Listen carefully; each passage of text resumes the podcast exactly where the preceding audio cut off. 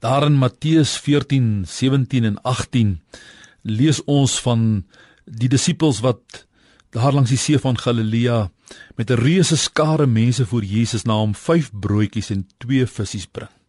Hy het gesê: "Bring dit hier vir my." Hoe verskriklik min en ontoereikend moes daardie karige voorraad in Jesus se hande nie gelyk het teenoor hierdie reuse skare honger mense voor hom nie. Maar dan hoe onvolkome en ontoereikend het die jong seun Dawid nie gelyk toe hy met sy slingervel voor die reus Goliat stelling ingeneem het nie.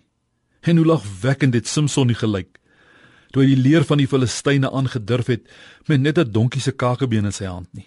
Of Moses toe hy in die volk tussen die Rooi See en die Egiptenaars vasgekeer was en al wat hy in sy hand gehad het was 'n staf. En dink aan Gideon.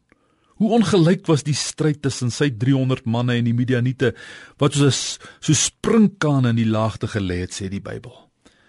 Jy sien die wonder gebeur telkens wanneer God in die prentjie kom. Wanneer dit wat hierdie mense gehad het onder sy beheer in sy hand beland het.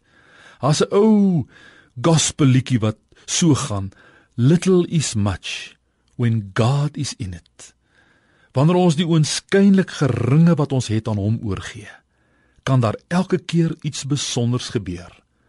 Dit is god se ingrype sy tussentrede wat die groot verskil maak. Wat het jy in jou hand? Jy sê dalk Here wat het ek om te gee? Wat kan ek doen? Ek het nie veel talente nie ek het nie baie geld nie. Nou ja as jy baie gehad het As jy toereikend was, was 'n wonderwerk dalk nie nodig nie. Die seën van die Here kan jou met 'n klein bietjie baie ver laat kom. Maak net seker dat jy dit aan hom wy. Dat dit ook in sy hand is. Sal jy saam met my bid?